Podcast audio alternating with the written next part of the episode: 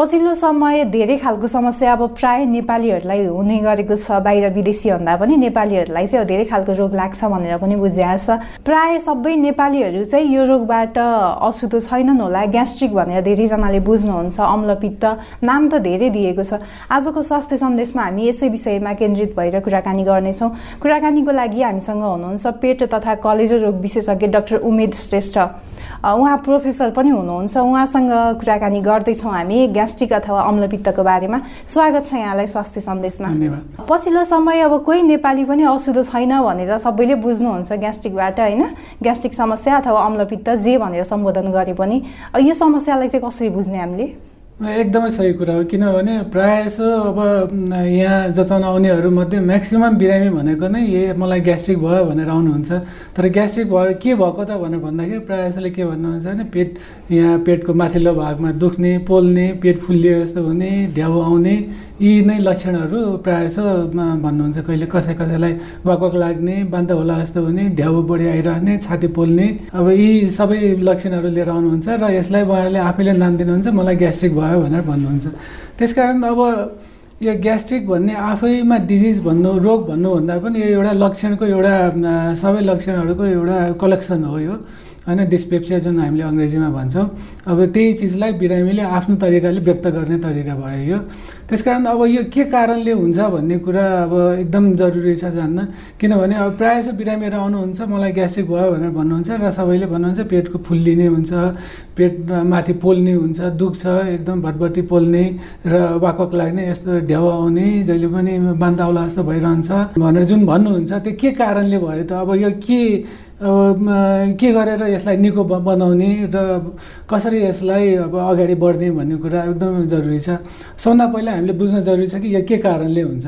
अब नम्बर एक भन्नु पर्दाखेरि अब प्राय जसो यहाँ हामी कहाँ आउनेहरूमध्ये बढी अब चिन्ताले अथवा टेन्सनले होइन मलाई त अब केही भयो कसो भयो भनेर जुन तरिकाले आउनुहुन्छ तिनीहरूमध्येमा अब कतिपयलाई फङ्सनल डिस्पेप्सिया नै भइरहेको हुन्छ। फङ्सनल डिस्पेप्सिया भन्नाले भित्री रोग छैन तर पेट दुख्ने पोल्ने चाहिँ भइरहेको हुन्छ। भित्री रोग भन्नाले स्ट्रक्चरल डिजिज जस्तै कि अब इन्डोस्कोपी गर्दाखेरि अरू कुनै जाँच पडताल गर्दाखेरि पनि केही पनि देखिएन तै पनि पेट दुख्ने पोल्ने भइरहन्छ त्यो एउटा ग्रुप भयो फङ्सनल डिस्पेप्सिया त्यो भन्दाखेरि त्यो त्यो भन्दा पनि अब हामीले मुख्य छुट्याउन नहुने कुरो भनेको त्यसभन्दा एक स्टेप अगाडि जाँदाखेरि मेन डिजिजहरू जस्तै भनौँ न चिन्ताबाट हुने चिजहरू भन्दा त्यसपछि मेन डिजिज भन्नाले ग्यास्ट्राइटिस भयो त्यसपछि आएर अल्सर हुने भयो पेप्टिक अल्सर डिजिज जुन भन्छौँ अल्सर भयो त्यसपछि अर्को फेरि reflux disease gastroesophageal reflux disease भन्छौँ त्यसपछि अर्को आएर झन् एकदम जटिल अब सबभन्दा सबै मान्छे सबैजनाहरू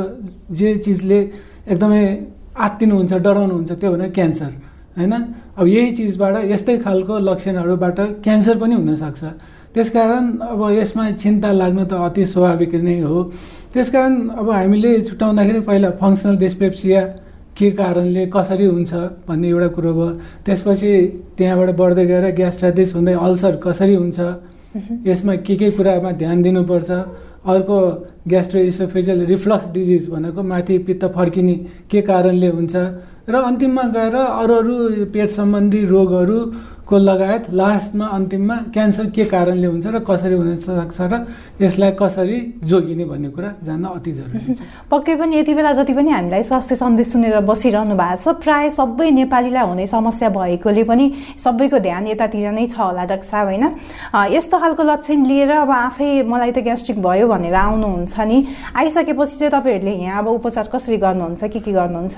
एकदमै जरुरी कुरा। किनभने अब कुनै पनि अब बिरामी आउनु भयो मलाई ग्यास्ट्रिक भयो भनेर भन्दाखेरि हामीले एकैचोटि त्यो केही पनि भएको छैन भनेर भन्न पनि मिल्दैन र अब यही भयो भनेर डाइरेक्ट भन्न सक्दैनौँ। त्यसको लागि निश्चय रूपले नै एउटा इन्भेस्टिगेसन जाँच पडतालहरू जरुरी हुनसक्छ जस्तै अब ग्यास्ट्रिकको मुख्य रूपमा भित्री अङ्गमा के भइरहेछ भनेर डाइरेक्टली हेर्ने विधि भनेको इन्डोस्कोपी जाँच हो। त्योभन्दा बाहेक अरू अरू जाँच नै होला जस्तै अब भिडियो एक्सरे गर्ने भयो अनि अरू कहिलेकाहीँ अब ग्यास्ट्रिक गराउने जुन लक्षणहरू निकाल्ने अल्सर गराउने एक प्रकारको ब्याक्टेरिया हुन्छ किटाणु हुन्छ त्यो छ छैन भनेर जाँच्ने विधिहरू पनि छन्।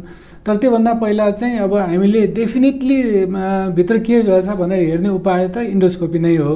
तर अब इन्डोस्कोपी अब ग्यास्ट्रिक भयो भनेर आउनुहुने सबैलाई इन्डोस्कोपी गर्ने कि थिएँ। सबैलाई इन्डोस्कोपी गर्ने कि नगर्ने होइन? इन एन्ड आउट सबैलाई इन्डोस्कोपी गर्ने भन्ने पनि त्यति व्यवहारिक देखिँदैन किनभने इन्डोस्कोपी भन्ने एउटा यस्तो खालको हुन त त्यो त्यसबाट एउटा इन्डोस्कोपीमा एउटा पाइप हुन्छ त्यसमा चाहिँ क्यामेरा जडान गरिएको हुन्छ त्यो मुखबाटै भित्र पठाएर खानु नली हुँदै आमाशय र सानो आन्द्राको पहिलो दोस्रो भागसम्म हेरिन्छ। त्यो माथिल्लो अप्पर ग्यास्ट्रो इन्टेस्टनल इन्डोस्कोपी भन्छौँ होइन? त्यो जाँच गरिन्छ। तर त्यो गर्दाखेरि अलिकति मान्छेहरू अलि डराउने जस्तै किनभने मुखबाट पाइप पठाउँदाखेरि अलिकति ग्याग रिफ्लेक्स हुन्छ ग्याग ग्याग हुन्छ होइन? त्यसले गर्दाखेरि अलि आत्ति नै हो। म त अब इन्डोस्कोपी गर्दिनँ भन्ने जस्तो त्यस्तो खालको भाव देखाउनुहुन्छ।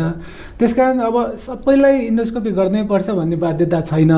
होइन सुरुमा जस्तै अब पैँतालिस वर्षभन्दा कमको उमेरकोहरू खालि पहिलोपटक ग्यास्ट्रिक भयो भनेर यी लक्षणहरू लिएर आउनुभयो भने पहिला हामीले राम्ररी अब हिस्ट्री लिएर होइन के हो कस्तो हो बुझेर अरू पेटको रोगहरू छ छैन जस्तै भिडियो एक्सरे गरेर अरू रोगहरू जस रुल आउट गरे गरेर र अब ब्याक्टेरिया छ छैन हेलिकोब्याक्टर पाइलोरी भन्ने जसले ग्यास्ट्राइटिस गराउन सक्छ त्यो छ कि छैन भनेर रुल आउट गरेर हामीले त्यसैमा उपचार इम्पेरिकली ट्रिटमेन्ट गर्न सक्छौँ। तर यति भन्दाखेरि इम्पोर्टेन्ट मान्छेहरू जुन चाहिँ जेन्युनली इन्डोस्कोपी चाहिएको मान्छेहरू मिस हुनु भएन होइन? कस्तो कस्तो खालको समस्या भयो भने चाहिँ इन्डोस्कोपी गर्नै पर्ने हुन्छ? हो एकदमै जरुरी कुरा। जस्तै अब अब यङ एजमा पनि जस्तै अनइन्टेन्सनल वेट लस यत्तिकै तौल घट्दै गयो। अब के कारणले घट्यो थाहा छैन।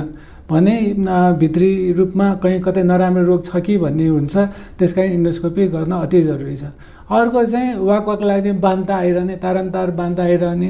खालि बान्ता मात्र होइन कि कहिलेकाहीँ अब कालो दिशा जान्छ रगत बान्ता आउँछ त्यस्तो भयो भने पनि इन्डोस्कोपी गर्नु अति नै जरुरी छ।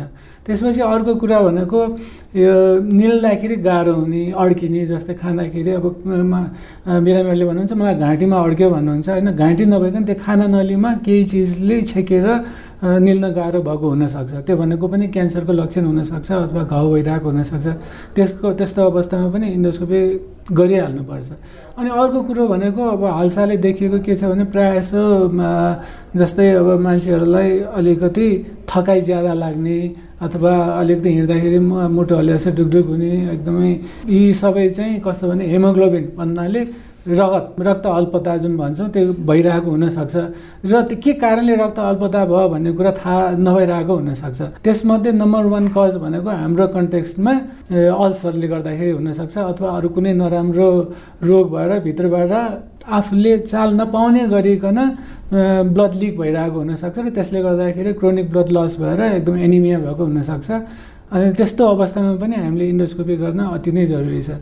मैले कतिपय त्यस्तो बिरामीहरू पनि भेटेको छु कि उहाँहरूको डक्टरहरूले अब इन्डोस्कोपी गर्नै पर्छ भन्नुभएको छैन तर उहाँहरूले चाहिँ इन्डोस्कोपी गरिसकेपछि घाँटीमा तथा पेटमा चाहिँ झन् धेरै गाह्रो हुन्छ भनेर त्यो नगरिरहेको बिरामीहरू धेरै भेटेको छु मैले होइन।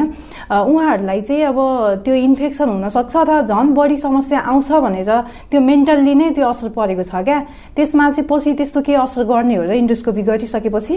अब यस्तो छ इन्डोस्कोपी भन्ने चिज अघि मैले भने जस्तै यो पाइपमा एउटा क्यामेरा जडान गरेको हुन्छ र त्यसबाट त लाइट हुन्छ त्यहीबाट हामीले भित्रको खाना नली आमाशय र सानो आन्द्राको पहिलो भाग हेर्छौँ जुन अप्पर जे इन्डोस्कोपी भन्छौँ। तर यो प्रक्रिया एकदमै छोटो समय मतलब भनौँ न एकदमै विदाउट एनी कम्प्लिकेसन यदि मतलब भनौँ न एउटा स्किल्ड एक्सपर्टले गर्ने हो भने यसमा चाहिँ खासै कुनै जटिलता छैन होइन?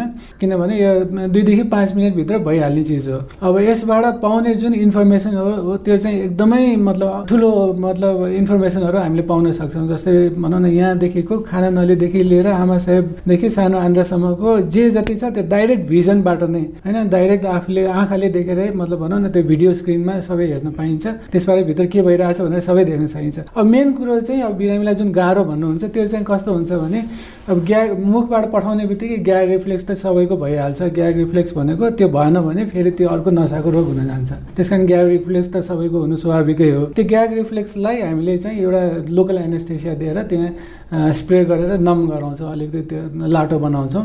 त्यो गर्दाखेरि खासै त्यो अप्ठ्यारो असजिलो त्यति गाह्रो दुख्ने चाहिँ हुँदैन। अलिकति असजिलो निल्दाखेरि त्यो एनेस्थेसिया लोकल एनेस्थेसियाले गर्दाखेरि अलि असजिलो अप्ठ्यारो हुनसक्छ। तर त्यो चाहिँ खासै भनौँ न त्यसले कुनै नराम्रो असर गर्ने होइन। जस्तै बिसदेखि तिस मिनटभित्र त्यो लोकल एनेस्थेसियाको असर हराइहाल्छ र खासै त्यस्तो गाह्रो हुँदैन। खालि अब के हुनसक्छ भने त्यो इन्डोस्कोपी गर्दाखेरि हावा दिनुपर्छ। त्यो हावा दिँदाखेरि पेट अलिकति फुल्लिन्छ। र बिरामीहरूले अलिकति पेट असजिलो भयो अप्ठ्यारो भयो भन्नुहुन्छ त्यही मात्रै हो। नत्र खासै त्यस्तो गाह्रो विधि चाहिँ होइन यो। यति बेला जति पनि हामीलाई स्वास्थ्य सन्देश सुनेर बसिरहनु भएको छ हाम्रो कुराकानी सुनिरहनु भएको छ उहाँहरूले अब यस्तो गाह्रो हुन्छ भनेर डराइरहनु भएको अवस्था थियो भने पनि हाम्रो कुराकानी सुनिसकेपछि इन्डोस्कोपी सजिलै गर्नुहुन्छ होला भन्ने आशा गरौँ होइन? अब यो ग्यास्ट्रिकबाट अल्सरमा गइसक्ने अवस्था छ नि ग्यास्ट्रिकमा कस्तो अवस्थामा केयर गरेन भने अथवा उपचार गरेन भने चाहिँ अल्सरसम्म पुग्ने हो? एकदम महत्त्वपूर्ण कुरा। अब प्रायः जसो हामीले अब ग्यास्ट्राइटिस भन्छ के कारणले ग्यास्ट्राइटिस बल्झिन्छ? होइन? के के गरियो भने मतलब भनौँ न यो चाहिँ अलिकति आफूलाई असजिलो हुन्छ अप्ठ्यारो हुन्छ भन्ने कुरा। जस्तै अब युजली अब जुन अब अघि नै भने डिस्पेप्टिक सिम्टम्सहरू होइन लक्षणहरू प्रायः जसो हाम्रो भन्ने चलन छ खानपान होइन जस्तै अब चिल्लो पिरो अमिलो कम गर्नु भन्ने चलन छ होइन अनि अर्को चाहिँ अब टेन्सन स्ट्रेसहरू नलिनु भन्ने चलन छ। यी बाहेक अब अल्सरमै आउँदाखेरि चाहिँ मेन कुरा हामीले के जान्न जरुरी छ भने अल्सर के कारणले हुन्छ त? एकदमै मतलब त्यसको पिन पोइन्ट कारण होइन? एकदम जुन इस्टाब्लिस भएको कारणहरू। त्यसमध्ये नम्बर एक कारण भनेको एउटा अघि मैले पनि नाम लिएँ हेलिको ब्याक्टर पाइलोरी भन्ने एक प्रकारको किटाणु छ जीवाणु होइन? ब्याक्टेरिया त्यो पहिला चाहिँ पहिलाको समयमा यो ब्याक्टेरिया थाहा नपाउँदाखेरि अल्सर भनेको एकदमै दोहोरिरहन्थ्यो पटक पटक अल्सर भइरहन्थ्यो निको हुँदैन थियो सबै अल्सरको बिरामीहरूलाई अपरेसन गर्न आवश्यक हुन्थ्यो होइन? तर आजकल यो ब्याक्टेरियाले गर्दाखेरि अल्सर हुन्छ भन्ने पत्ता लागिसकेपछि यो ब्याक्टेरिया छ छैन हेरिसकेर ब्याक्टेरियालाई हामीले मार्न सक्यो भने अल्सरबाट जोगिन सक्छौँ। नम्बर एक कुरो यो ब्याक्टेरिया भयो। अनि अर्को हाम्रो अब कन्टेक्समा एकदमै नेग्लिजेन्स भइरहने अर्को कुरा के छ भनेदेखि प्रायः जसो यत्तिकै पसलहरूमा गएर औषधि पसलमा गएर जस्तै अब टाउको दुख्यो फ्लेक्जन लिनु। यो जिउ दुख्यो फ्लेक्जन लिनु। अब कोभिडमा भयो ज्वरो आयो फ्लेक्जन लिनु भन्ने जुन बा बानी छ निम्स लिनु फ्लेक्जन लिनु भन्नुको मतलब त्यो भनेको पेन किलरहरू। किनभने अब फार्मेसीमा त उनीहरूले त दिइहाल्छन् औषधि। यसरी भनौँ न अब चाहँदा नचाहँदा अथवा अन अन्नेसेसरी रूपले यतिकै पेन किलरहरू खाँदाखेरि पेन किलर अर्को चाहिँ एकदमै इम्पोर्टेन्ट अल्सरको कारण हो। भनेको यसरी बुझ्दा पनि भयो कि हामीले अब जति पनि आफै डक्टर बनेर मलाई यस्तो भएको छ भनेर मेडिकलमा जाने औषधि किनेर खाने गर्छौँ नि त्यसले गर्दा पनि यस्तो खालको समस्या बढिरहेछ। बढिरहेछ। किनभने अहिले त्यो कोभिडको दौरानमा धेरैले फ्लेक्जन खानुभएको छ र हामी कहाँ म्याक्सिमम् पेसेन्टहरू भनौँ न एनएसआइडी जुन भन्छौँ होइन non steroidal anti inflammatory drug जुन पेन किलरहरू त्यो खाएर खानुभएर यो अल्सर भएर अझ अल्सरको कम्प्लिकेसन जटिलता जस्तै के भएर आउनुभएछ ब्लिडिङ। कसरी ब्लिडिङ? मुखबाट रगत बान्ता गर्ने र दिशामा कालो दिशा जाने। यस्तो भएर धेरै बिरामी आउनुभएको छ। यसपालि भनौँ न यो गत एक वर्षमा यो कोभिडको दौरानबाट एकदमै बढी यो जिआई ब्लिडिङको पेसेन्टहरू आउनुभएको छ। प्रायः जसोको मेन कारण भनेको यही पेन किलरहरू। यति बेला जति पनि हामीलाई रेडियो क्यान्डिडमा स्वास्थ्य सन्देश सुन्दै हुनुहुन्छ र खबरहरूमा हेर्दै हुनुहुन्छ होइन? उहाँहरूले यो कुराकानी सुनिसकेपछि यस्तो गल्ती गर्नु हुँदैन भनेर पक्कै पनि यो कुरा मनन गर्नुहुनेछ भन्ने आशा गरौँ होइन? यो ग्यास्ट्रिक भनौँ अथवा अम्लपित्त भनौँ अथवा ग्यास्ट्रिक भइसकेपछि ध्यान दिएन भने अल्सर क्यान्सरसम्म पुग्ने अवस्था चाहिँ खानेकुराको माध्यमबाट अब खानेकुरामा केयर गरेन भने पनि आउँछ भनिन्छ। त्यसको लागि चाहिँ अब कस्तो कस्तो खाना खायो भने चाहिँ यो समस्या बढाउँछ कस्तो कस्तो खाना चाहिँ खानुपर्छ हामीले? खाना भन्दा पनि अगाडि म अर्को एउटा कुरा जोड्न चाहेँ जस्तै भनौँ न मान्छेहरू जो स्मोक होइन चुरोट खानेहरू लत लगाएकाहरू हुन्छ नि चुरोट खाने तिनीहरूमा पनि डाइरेक्ट रिलेसन चाहिँ अल्सरमा छ। जस्तै अघि नै मैले भनेअनुसार एउटा ब्याक्टेरिया भयो अनि अर्को चाहिँ ड्रग्सहरू औषधिहरूको कुरा भयो तेस्रो नम्बरमा चाहिँ म त्यो चुरोटलाई नै भन्छु। किनभने चुरोट भनेको यस्तो चिज हो कि सबैले खालि फोक्सोको मात्रै सम्झन्छ। चुरोट खाएपछि अब फोक्सोमा अथवा दम बढ्छ अथवा टिबी हुन्छ अथवा भनौँ न एउटा ल फोक्सोको क्यान्सर हुन्छ भन्ने कुरा मात्रै सोध्छन् तर यसले अल्सरलाई पनि उत्तिकै नै यसले कन्ट्रिब्युट गरेर आएको हुन्छ। त्यसकारण चुरोट कसैले खानुभएको छ भने चुरोट त बन्द गर्न अति नै आवश्यक छ। अर्को चाहिँ स्ट्रेस। स्ट्रेस म्यानेजमेन्ट एकदमै एकदमै जरुरी छ किनभने यो पनि एकदमै इस्टाब्लिस कज स्ट्रे यो अल्सरको इस्टाब्लिस कज नै हो स्ट्रेस किनभने आजकलको यो जीवनशैली भनेको यति तनावयुक्त छ यति स्ट्रेसफुल छ होइन? कोही कसैसँग राम्ररी यसरी भनौँ न फुर्सदमा आरामसँग गफ गर्ने कुरा गर्ने भन्ने नभइसक्यो जुन चाहिँ पहिला एकदमै थियो। यसले गर्दाखेरि के छ भने सबै तनावमा छन् सबै स्ट्रेसमा छन्। त्यस कारण कसैलेलाई पनि अलि यस्तो मतलब स्ट्रेसफुल इन्भाइरोमेन्ट छ भने एटलिस्ट हप्तामा अथवा कुनै समय निकालेर अलिकति स्ट्रेस फ्री गरेर एकदम टेन्सन फ्री भएर अलिकति समय बिताउनु पऱ्यो। कसैले मेडिटेसन गर्छन् कसैले अलिकति भनौँ न बाहिर अलिकति टाइम निकालेर फ्यामिली टाइम निकालेर जान्छन् होइन? त्यस कारण अब रिल्याक्सेसन होइन? त्यो पनि जरुरी भयो। बाँकी आयो खानपानको कुरा। अब खानपानको कुरामा जस्तै अब अघि भनिए जस्तै अब चिल्लो पिरो अमिलो भन्नाले स्पाइसी कुराहरू बढी चिल्लोहरू यिनीहरू खाँदाखेरि अलिक डिस्पेप्टिक सिम्टम्सहरू बढ्ने भइहाल्यो। अनि अब यो ग्यास्ट्राइटिसमा अघि मैले पनि एउटा भनेको थिएँ रिफ्लक्स डिजिज भनेको थिएँ होइन? ग्यास्ट्रोइसोफेजियल रिफ्लक्स डिजिज जुन भन्थ्यो जिइआरडी भन्छौँ। त्यसमा पनि के छ भने अब केही यस्तै अझै फेरि पनि अब चिल्लो चिजहरू खाँदाखेरि बढी रिफ्लक्स हुने। किन रिफ्लक्स हुन्छ भन्दाखेरि त्यो खाना नलिएर आमाशयमा जोड्ने एउटा सानो गेट जस्तै हुन्छ भयो त्यो चाहिँ अलिक बढी खुकुलो भयो भने यहाँ स्टमकमा आमाशयमा भएको एसिडहरू अथवा केही खानेकुराहरू अलिकति माथि फर्किन्छ।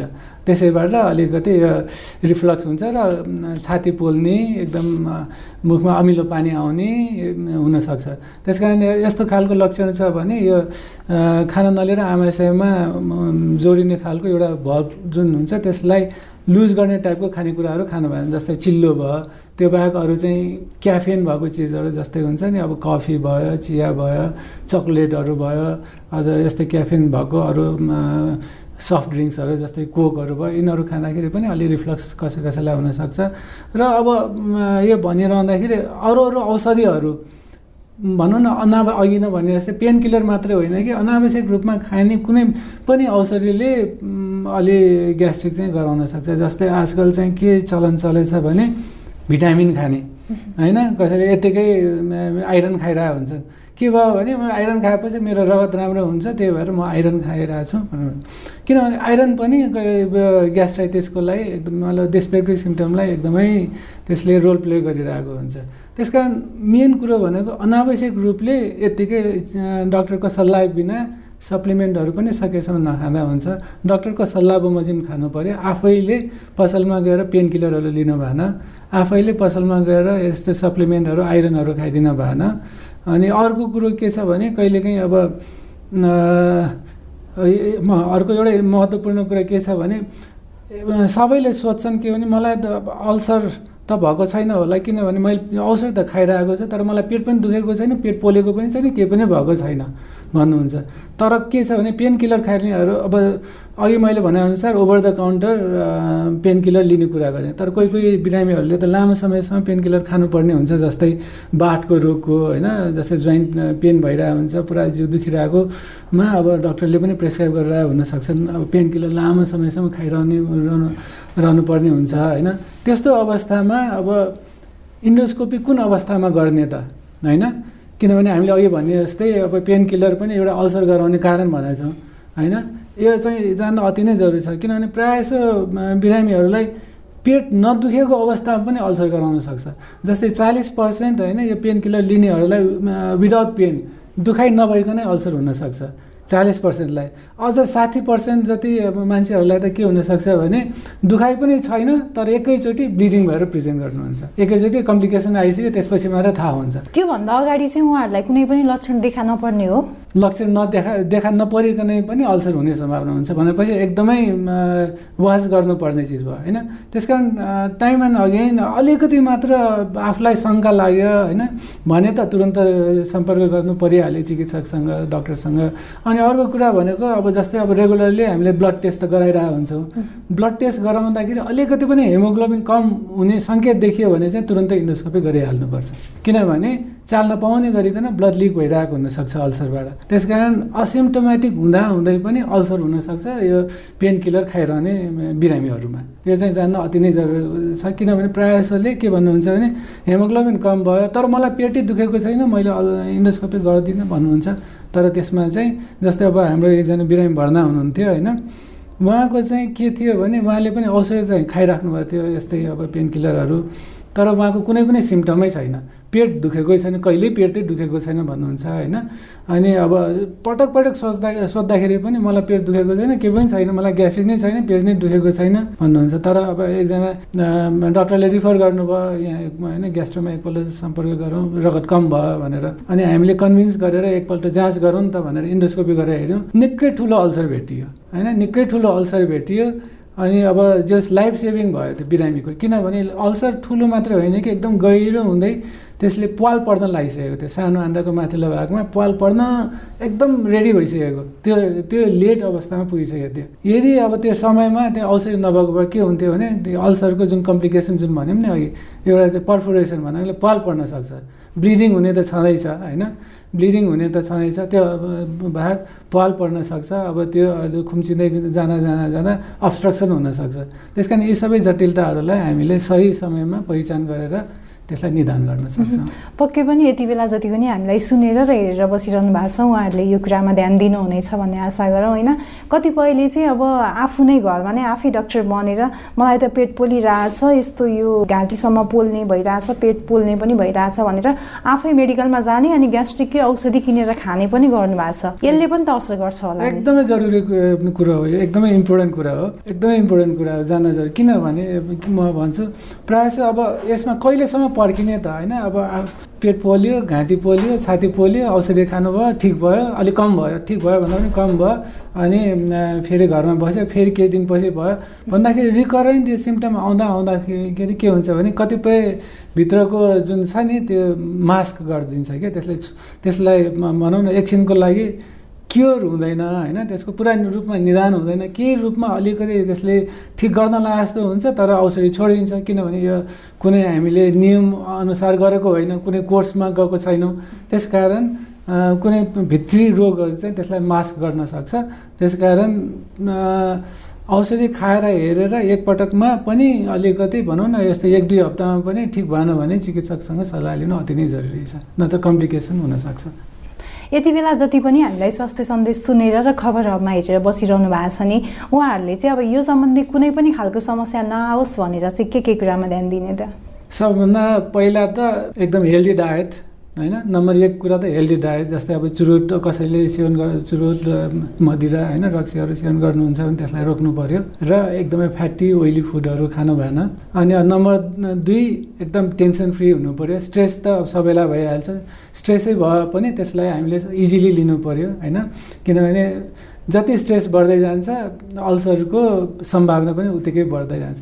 नम्बर तिन अनावश्यक रूपमा पसलमा गएर पेन किलरहरू सकेसम्म नलिने। अझ मुटुको रोगहरू छ र एस्पिरिन खाइरहनु भएको छ भने अलिकति पनि शङ्का लाग्ने बित्तिकै तुरन्त अब यो पेट मतलब ग्यास्ट्रो इन्ट्रोलोजिस्टकोमा गएर मेरो कहीँ कतै कम्प्लिकेसन त भएको छैन भनेर जाँच्न जरुरी भयो। नम्बर चारमा अब आफूलाई त्यस्तै गाह्रो अप्ठ्यारो भयो भने डक्टरकोमा गएर अब जुन जाँच पडताल गराउनुहुन्छ जस्तै अब हेलिकोब्याक्टर प्यालोरीको जाँच गराउनुहुन्छ अवश्य नै त्यसको जाँच गरेर आवश्यक पऱ्यो भने एन्टिबायोटिक खाएपछि त्यो निदान हुन्छ त्यो चाहिँ गर्नु पऱ्यो यो भन्दाखेरि मैले अर्को एउटा जुन चाहिँ अब मिसकन्सेप्सन छ होइन? यो किनभने आजकल हेल्थ प्याकेज भन्ने खुब आइरहेको छ। त्यसमा चाहिँ एउटा अहिले मान्छेहरूको अलिकति धारणाको बारेमा पनि एउटा भनौँ। किन हेल्थ प्याकेजमा हेलिकोब्याक्टर पाइलोरी भन्ने एउटा पनि छ त्यसमा। ब्लडबाट जाँच गर्ने भन्ने छ। ब्लडबाट जाँच गर्दाखेरि अब पोजिटिभ आउँछ।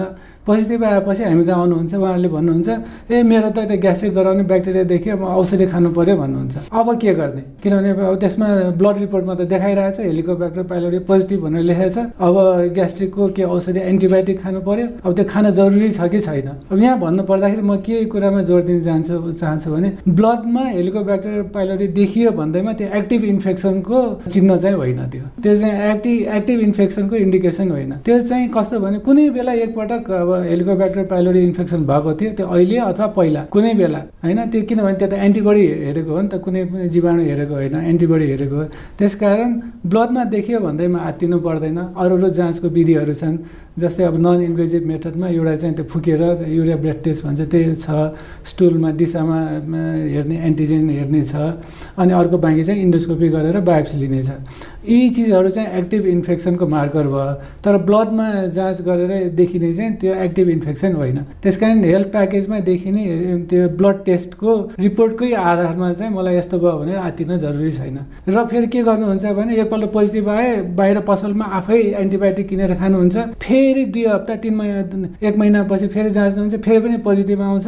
फेरि जाँच्नुहुन्छ फेरि औषधि खानुहुन्छ गरेर पटक पटक तिन चार पटक एन्टिबायोटिक एन्टिबायोटिक खाएर आउनुहुन्छ। त्यसो गर्दाखेरि के भयो? एन्टिबायोटिकको रेजिस्टेन्स हुने सम्भावना बढी भयो। जुन चाहिँ जरुरी थिएन त्यो एन्टिबायोटिक खान जरुरी नै थिएन किनभने त्यो भनेको पास इन्फेक्सनको एउटा इन्डिकेसन मात्र हुन सक्थ्यो होइन? त्यस कारण हेल्थ प्याकेजमा हेलिकोब्याक्टर प्यालोरी ब्लडमा देखियो भन्दैमा आत्तिन जरुरी छैन। एकपल्ट अब हस्पिटलमा डक्टरसँग आएर सम्पर्क गरेर मात्रै एन्टिबायोटिक खान जरुरी छ छैन डिसाइड गर्न। व्यस्तताको बावजुद पनि हाम्रो स्वास्थ्य सन्देशमा आएर आफ्नो जानकारी बाँडिदिनु भयो त्यसको लागि धेरै धेरै धन्यवाद। हस् मलाई पनि एकदम भनौँ न एउटा केही शब्द केही कुराहरू व्यक्त गर्नलाई अवसर प्रदान गर्नकोमा यहाँहरूलाई धन्यवाद।